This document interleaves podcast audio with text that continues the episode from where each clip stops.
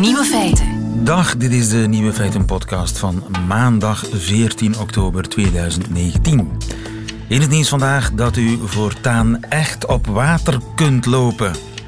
Namelijk op Jezus schoenen. Dat zit zo. Tegenwoordig werken sneakermerken graag samen met grote namen. Ken J. West, Lewis Hamilton, noem maar op. Wie geen schoen heeft, die bestaat niet. Sorry Tom Waas. Nike gaat nu een eh, stap verder en komt met een schoen voor de bekendste man aller tijden. Jezus.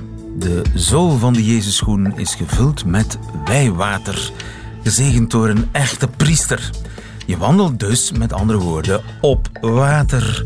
Slim bedacht en voor amper 3000 euro per paar. Tja, wat deed Jezus ook alweer met handelaars in de tempel? De andere nieuwe feiten vandaag.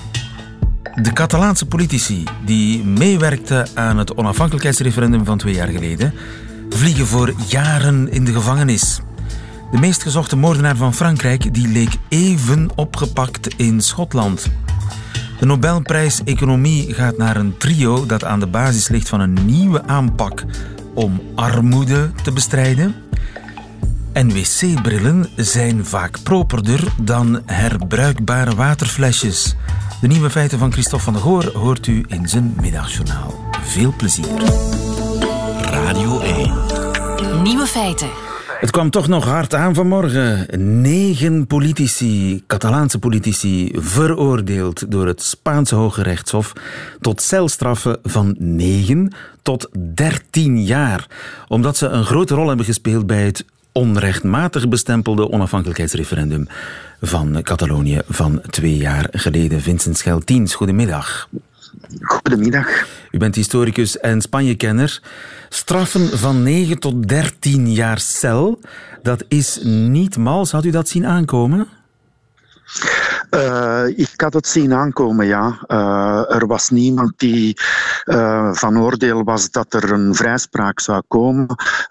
het gonsde van geruchten en het zijn, zoals u zeer terecht zegt, toch wel zeer zware straffen. De hoofdbeklaagde Oriol Junqueras, 13 jaar ook al zijn rechten kwijt.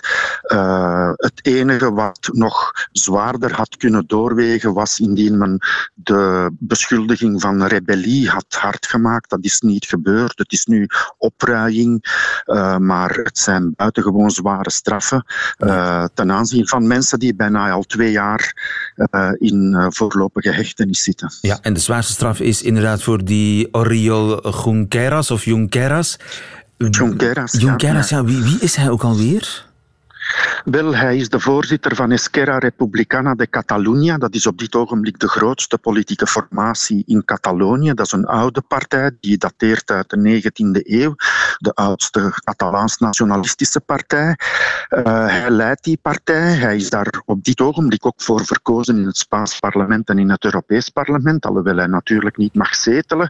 Maar hij is vooral de meest gezaghebbende stem die, uh, anders dan anderen in het nationalistische kamp pleit voor dialoog, uitkijk naar een regering in Madrid om mee rond de tafel te gaan zitten en om, zoals hij zei tijdens zijn proces, en om die zaak terug op het politieke plan te brengen waar het nooit had mogen weggaan. en dus, dus hij is nog de meest gematigde stem. En hij is een, een big shot, als het ware, vicepremier geweest, voorzitter van een belangrijke, van de grootste partij van Catalonië. Dus dat weegt wel zwaar door. Dat zal zeer hard aankomen. Dat zal zeer zwaar aankomen, ja. Hij heeft al een verklaring uh, naar buiten gebracht, zoals de meeste van de veroordeelden uiteraard, van... Uh, ons gevecht gaat door. We hebben al andere katten te gezelen gehad. Uh, wij zijn de generatie die eraan is gekomen om te winnen, et cetera. Zeg maar een beetje talk. Ja. Uh, maar dit komt enorm hard aan. Ja. En anderzijds het ook geen verrassing, maar eenmaal dat het verdikt valt, is het concreet. Het grote probleem is nu dat met dit alles natuurlijk niets is opgelost. Ja, want eh, tot nu toe, eh, die Jonqueras die zat vanuit de gevangenis nog aan politiek te doen. Kan hij vanuit de gevangenis nog een politieke rol spelen, denkt u? Hij kan zeker vanuit de gevangenis een politieke rol spelen. Als zijn partij beslist dat hij gehandhaafd wordt binnen de leidinggevende structuren van die partij, dan zal dat ook wel gebeuren. Uh, de nummer twee van zijn partij, zeg maar, Marta Rovira, is iemand die in, op de vlucht is geslagen en in Zwitserland verblijft op dit ogenblik. Dus dat kan die partij zelf bepalen. Wat hij niet meer kan voor de komende 13 jaar is een institutionele rol spelen. Hè. Bijvoorbeeld een mandaat opnemen, in een parlement zetelen, et cetera. U zegt uh, dat brengt ons niet veel dichter bij een oplossing. Nochtans zou je kunnen zeggen, ja, de rechter heeft gesproken. Een rechter dient in principe om een uitspraak te doen in een conflict, moet een conflict beslechten, toch? Ja, dat, dat klopt. Hè. Dus formeel gesproken klopt dat. De rechter heeft gesproken en dan denk je, goed, we draaien de bladzijde om. Maar het probleem is dat je met een politiek probleem zit, zit te sudderen en dat nu door die uitspraak ja, de polarisatie terug gaat aanzwengelen. Op dit ogenblik zijn al scholieren en studenten in Barcelona de straat aan het optrekken. Voor vrijdag is er een algemene staking gepland. Je gaat nu uh, ja, daar een, een soort, ja, de radicalere Polen die uh, met verontwaardiging en woede een beetje meer op het voorplan zullen ja. komen. En die ga je dan hebben. En anderzijds in Spanje zit men in pre-electorale sfeer. Op 10 november zijn er vervroegde verkiezingen. En ook daar zullen de radicale Polen uh, ja, zich op het voorplan plan trachten te wringen en zeggen: kijk, voilà, die uitspraak, we hebben het gezegd, Spanje moet één blijven. En de mensen die beseffen dat je dit enkel maar door een dialoog en, en, en vreedzame gesprekken kan oplossen, ja, die, die, die gaan een beetje in de verdrukking geraken nu, vrees ik. Er is toch een, een, opvallend verschil tussen pakweg de uitspraak uh, een paar weken geleden in Londen, ook door het Hoge Rechtshof, in de kwestie rond uh, Boris Johnson en of hij al dan niet legaal het parlement heeft opgeschort. Die uitspraak wordt door niemand gecontesteerd. Deze uitspraak wordt duidelijk als een soort politiek signaal beschouwd. Dus dat, dat zet toch vraagtekens achter de onafhankelijkheid van, van de rechter in Spanje. Ja, dus je hebt, je hebt stemmen, veel stemmen binnen het Catalaans nationalistische kamp die zeggen dit was geen juridische uitspraak, dit is een politiek proces. Er zijn, wij, worden, wij worden veroordeeld niet omwille van daden, maar omwille van ideeën. Dus dat is het, de teneur, het vertoog van dat Catalaans nationalistische kamp, waar men dan de nadruk legt op het feit dat dat Hoge Rechtshof bevolkt is door rechters die politiek benoemd zijn, die een bepaalde kleur hebben die op een soort van wraak belust zouden zijn, et cetera. En dan heb je iets anders, dat is dat een aantal toch wel belangrijke advocaten, mensenrechtenadvocaten, et cetera, niet dezelfde, maar toch ook een aantal opmerkingen hebben over die gang van zaken. Je, je hebt dat bijvoorbeeld gezien toen uh, de Belgische instanties, de Duitse instanties, de Zwitserse instanties, die beschuldigingen van Spanje uh, van rebellie uh, niet weerhouden hebben. En daar ook niet langer moeten over nadenken, uh, alvorens dat besluit te nemen. Ja, dus wel enige vragen rond de onafhankelijkheid van dat Hoge Rechtshof. Eén naam is nog niet gevallen, Puigdemont. Ja, dus dit, dit verdikt betekent ook dat uh, voor hem uh, ja, de deur naar een terugkeer helemaal gesloten blijft. Dat eigenlijk dat uh, arrestatiebevel terug geactiveerd wordt eigenlijk. en ja, dat hij dus hier in België zal blijven, maar alleszins niet terug kan. Ja. natuurlijk, hij zit niet op dezelfde lijn als Junqueras. Hij zit meer op de lijn van aan de kaak stellen van uh, de Spaanse overheden, het zwaar aan de kaak stellen en het interpelleren van Europa, omdat de Europese instanties niets doen. En zo ook een beetje de polarisering aan de gang houden, wat een voorwaarde is voor hem om in het politieke spel betrokken te blijven vanuit het buitenland. Eh, maar goed, die verzoening, die dialoog, die vrede, die oplossing, die is vandaag niet dichterbij gekomen. Dat is wel duidelijk. Dankjewel, Vincent Scheltiens. Goedemiddag.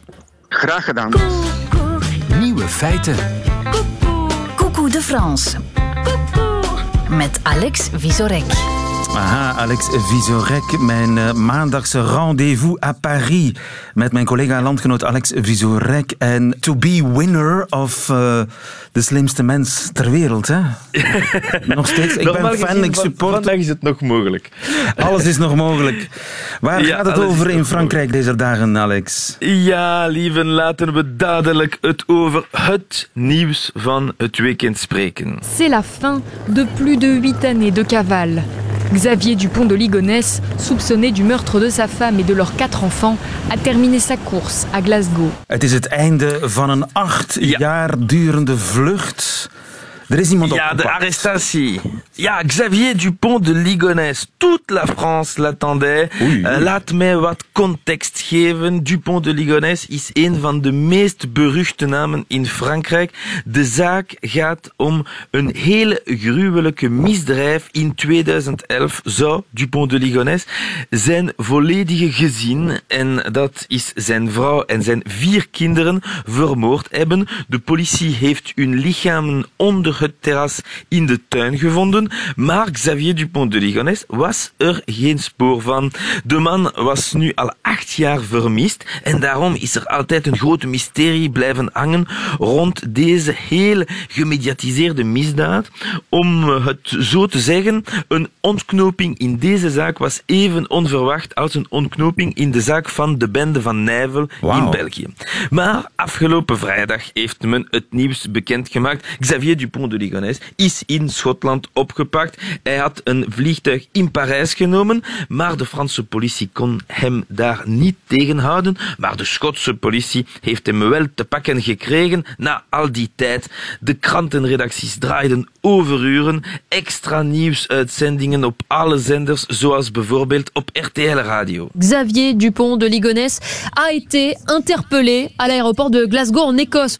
De privé-infozender BFM TV. Xavier Dupont de Ligonnès a été arrêté en Écosse, à Glasgow, soupçonné d'être l'auteur d'un quintuple meurtre à Nantes en 2011. En ook op de publieke France 24. Une arrestation surprise. Xavier Dupont de Ligonnès a donc été interpellé ce vendredi à l'aéroport de Glasgow, capitale de l'Écosse. Dat was dus hem de vingerafdrukken kloppen. Het bleek dat Dupont de Ligonnès onder een valse identiteit reisde met de naam Guy Joao. En hij woonde niet ver van Parijs. Journalisten kwamen vlug ter plaats met veel veronderstellingen. Oui, tout à fait. Nous sommes ici à euh, Limay, vous l'avez dit, et c'est peut-être euh, ici, dans cette maison au portail euh, blanc, que Xavier Dupont de Ligonnès vivait. En tout cas, c'est l'adresse qui figurait sur son passeport, le passeport avec lequel il a été arrêté à Glasgow. Dus de media onmiddellijk voilà. ter plaatse, zelfs bij zijn huis natuurlijk gaan uh, postvatten. maar wacht even, lieven, want uh, France Info heeft een buurman van Dupont de Ligonnès aan de microfoon. Même avec de la chirurgie esthétique, euh,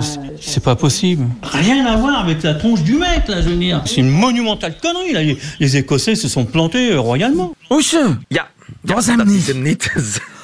Zelfs met plastische chirurgie zou het niet kunnen.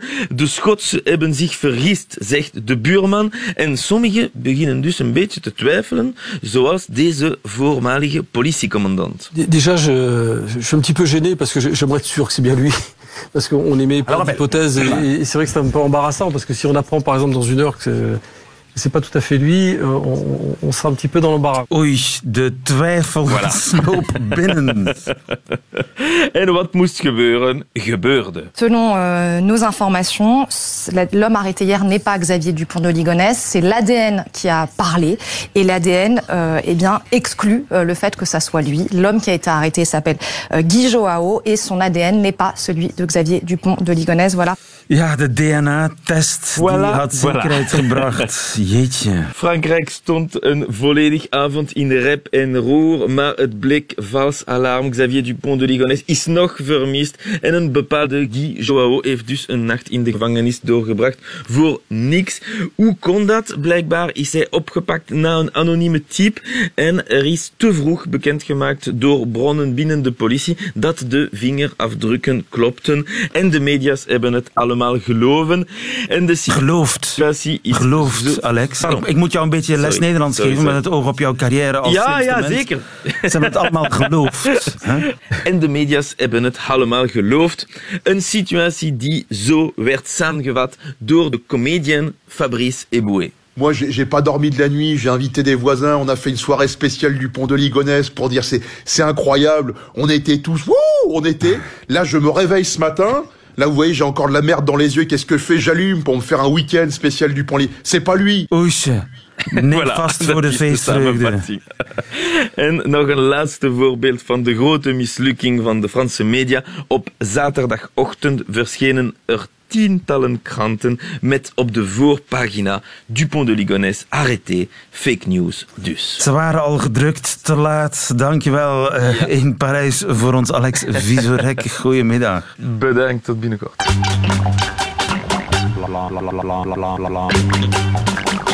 Nieuwe feiten. De Nobelprijs Economie is daarnet uitgereikt. Het is te zeggen dat is niet officieel een Nobelprijs, maar officieus een Nobelprijs. Meer bepaald aan drie mensen, waaronder, hoera, een vrouw. Ivan van der Kloot, goedemiddag. Goedemiddag. Van Denktank uh, Itinera.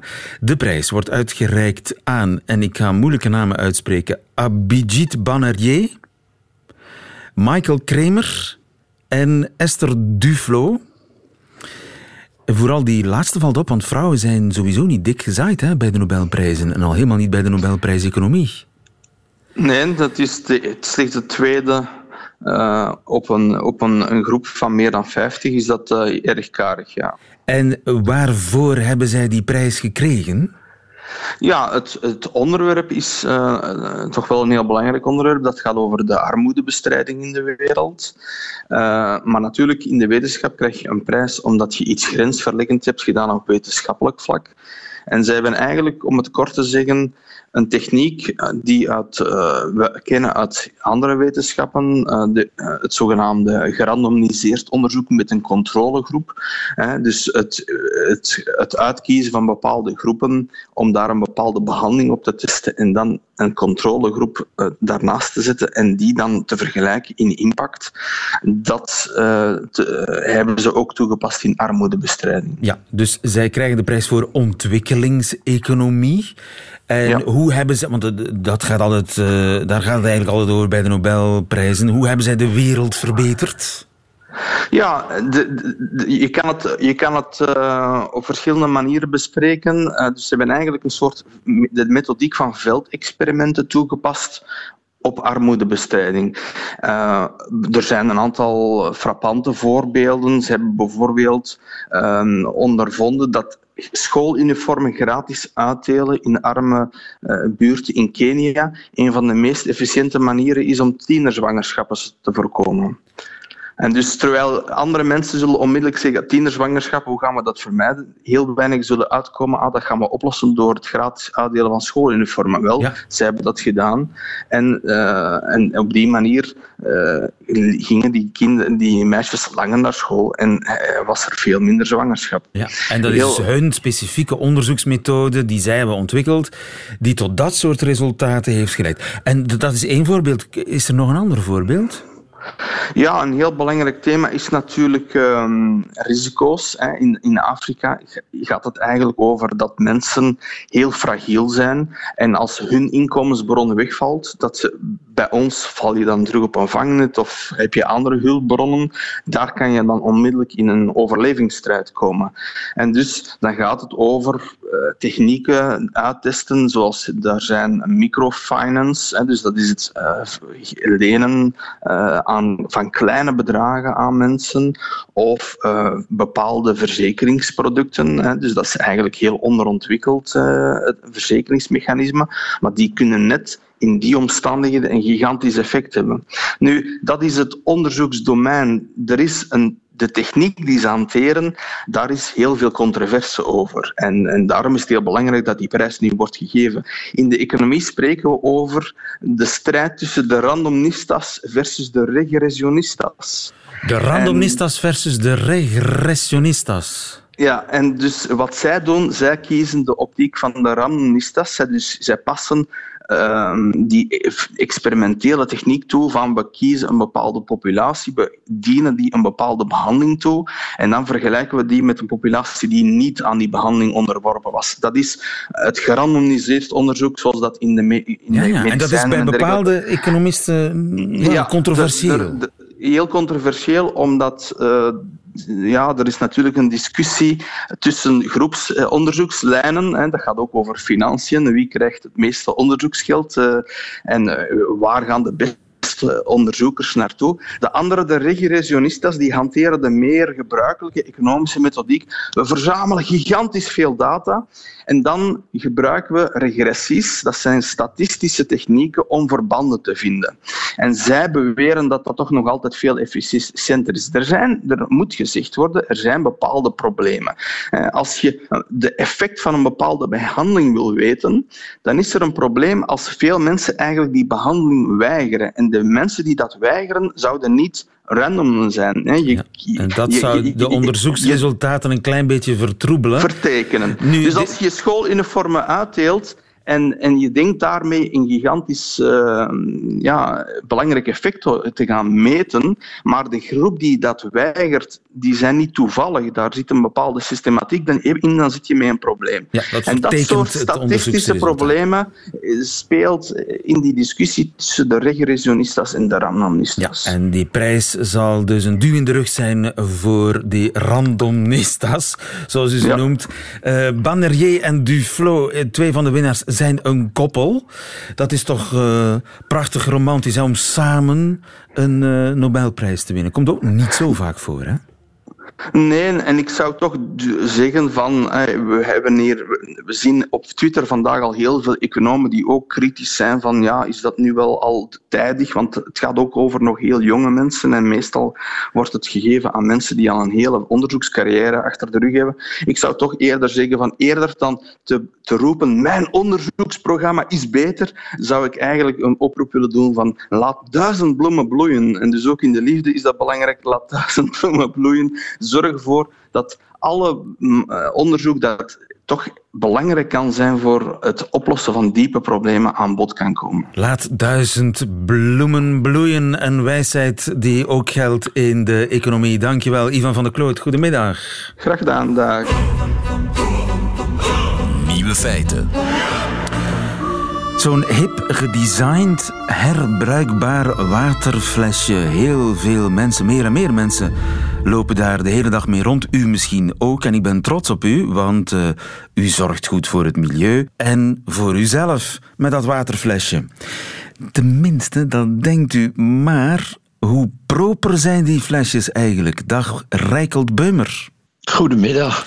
Microbioloog bent u aan de Wageningen Universiteit en u heeft die flesjes onderzocht. Hoe vies zijn ze? Ja. Nou, dat wisselt heel erg. Als je ervan uitgaat dat uh, schoon drinkwater, wat uit de leiding komt, dat dat minder dan 100 bacteriën per milliliter bevat, dan zijn de flesjes uh, meestal behoorlijk vies. Want er zitten uh, gemiddeld 10.000 tot 100.000 bacteriën per milliliter in. En soms zijn er behoorlijke uitschieters. Vooral bij mensen die dat flesje niet zo zo heel erg snel schoonmaken. Dan komt er wat spuug in. En als je net gegeten hebt, komen er wat resten van voedingsmiddel in. En bacteriën kunnen daar prachtig op groeien.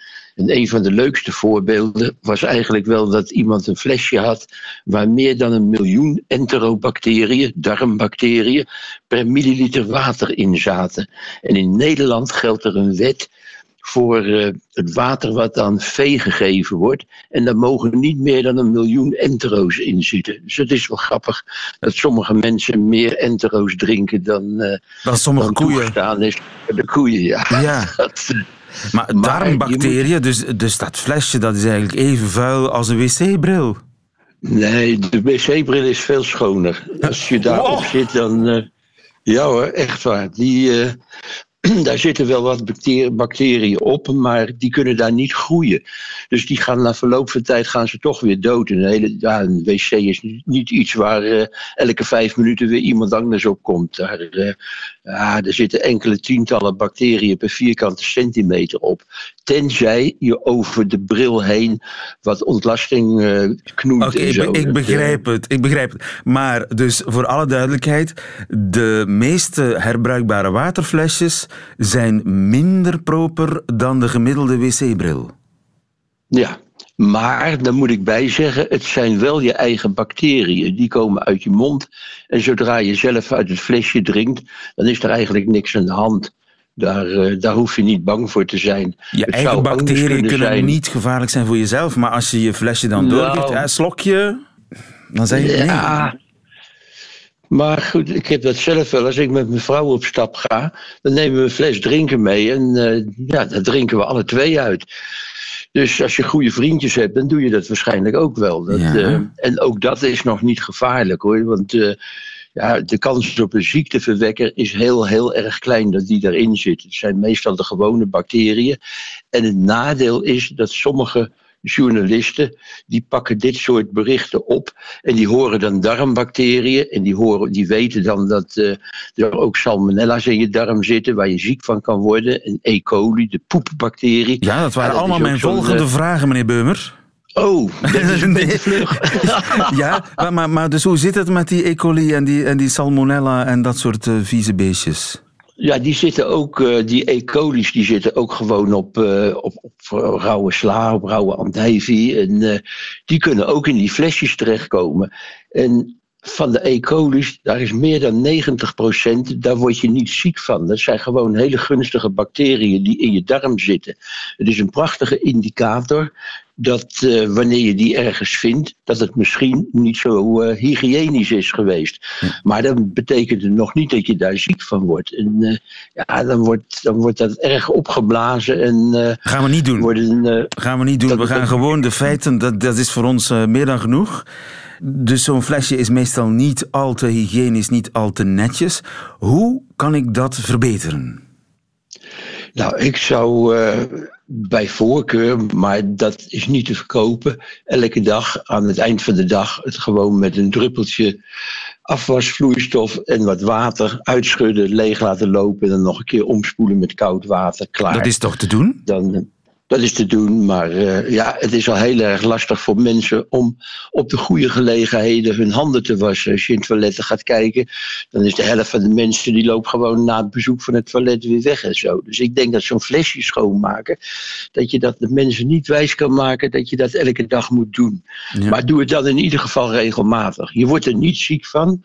Wij hebben flesjes gezien die. Uh, ja, daar, daar zat aan de binnenkant was gewoon een hele witte waas. En als je dat schudde, dan vielen de vlokken uit en zo vol met uh, biofilmbacteriën. Ja, dat is niet fris. Maar, nee, uh, dat, uh, dat begrijp ik. Niet... Dus elke dag um, omspoelen met een beetje afwasmiddel en klaar. Ja, klaar. Ja. Ik ga het toch doen, meneer Beumer. Gaat u het echt doen? Ik ja. ga het echt ja, doen. ik doe het zelf ook. Als ik flesjes meeneem, maak ik hem ook schoon en gebruik hem dan de volgende keer weer. Dat, uh, Zeer veel beter. dank voor de tip. Dankjewel, Rijkelt Beumer. Goedemiddag. Graag gedaan. Dat waren ze, de nieuwe feiten van 14 oktober. Behalve die natuurlijk in het leven van de man die het middagjournaal voor ons bijhoudt deze week. En dat is sportzaak-collega Christophe van de Goor. Nieuwe feiten. Middagjournaal. Goedemiddag. Vorige week had ik het genoegen om in de Verenigde Staten te mogen zijn, want twee Belgische vrouwen, Emma Meeseman en Kim Mesdag, speelden met hun team, de Washington Mystics, de finale van de Amerikaanse basketbalcompetitie, de WNBA. Die finale bestaat uit maximaal vijf wedstrijden en wie het eerst drie keer wint is kampioen. Na twee matchen in Washington stond het 1-1 gelijk. De volgende twee wedstrijden hadden dus plaats in Connecticut, de tegenstander van Washington in die finale. Samen met een cameraman en collega-journalist van RTBF vlogen we naar New York om van daaruit nog twee uur met de auto richting Connecticut te rijden. Washington, de ploeg van onze twee Belgen, zou de klus daar wel klaren. Nu, dat gebeurde niet en dus moest een vijfde match voor de beslissing zorgen in Washington. Wij dus nog zeven uur de auto in van Connecticut richting DC. Meesterman en Mesdag wonnen, werden kampioen van Amerika en bovendien werd Emma ook nog eens uitgeroepen tot beste speelster van die finale. Nu, ik ben zo blij en zo dankbaar dat ik dit heb mogen meemaken en wel omwille van Twee dingen. Ten eerste, omdat ik opnieuw een kind kon zijn. Een kind dat zo van sport houdt en zijn favoriete ploeg aanmoedigt en aanvoert. Ik heb geroepen, geschreeuwd, gevloekt, gejuicht, een traan weggepinkt zoals ik vroeger deed, als kind. Een gevoel dat ik hoofdzakelijk nu door mijn job ben kwijtgeraakt of tenminste heb verdrongen. Als verslaggever is enige objectiviteit gewenst.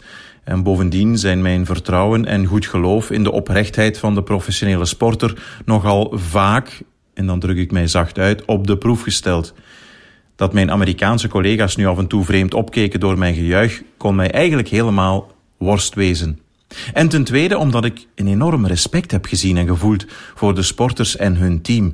Ik kan wel tientallen voorbeelden geven, maar houd het nu bij één. Washington heeft net gewonnen en wij vliegen richting het parket voor interviews om die eerste emoties bij Emma en bij Kim te capteren. Daarna staan we klaar om enkele vragen te stellen aan de mama van Emma. En net dan spreken twee Amerikaanse vrouwen op leeftijd haar beleefd aan of het klopt dat zij de mama van Emma is. Ze knikt. De ogen van de twee ladies worden vochtig. Ze verontschuldigen zich voor het storen en bedanken de mama just for being the mom feliciteren haar uitgebreid en bedanken haar voor de loyaliteit van haar dochter voor het team en for being so humble, zo nederig. Emma geeft ons zoveel plezier, mevrouw, en zoveel liefde voor de game. Het duurt maar enkele seconden, maar het is zo oprecht, zo straight from the heart, dat ik moet slikken. Mooi. Verdorie, denk ik. Het is eigenlijk toch zo simpel, maar oh zo moeilijk, want we doen het veel te weinig. Namelijk elkaar een oprecht compliment geven, respectvol. Ik heb cameraman Philippe nadien twee keer gezegd hoe goed zijn beelden waren. En bij deze lieve, bedankt voor jouw programma's bij Studio Brussel, die me als jonge kerel heel veel plezier hebben bezorgd. Echt waar. De Lieve Lust en Republica. You rock, man.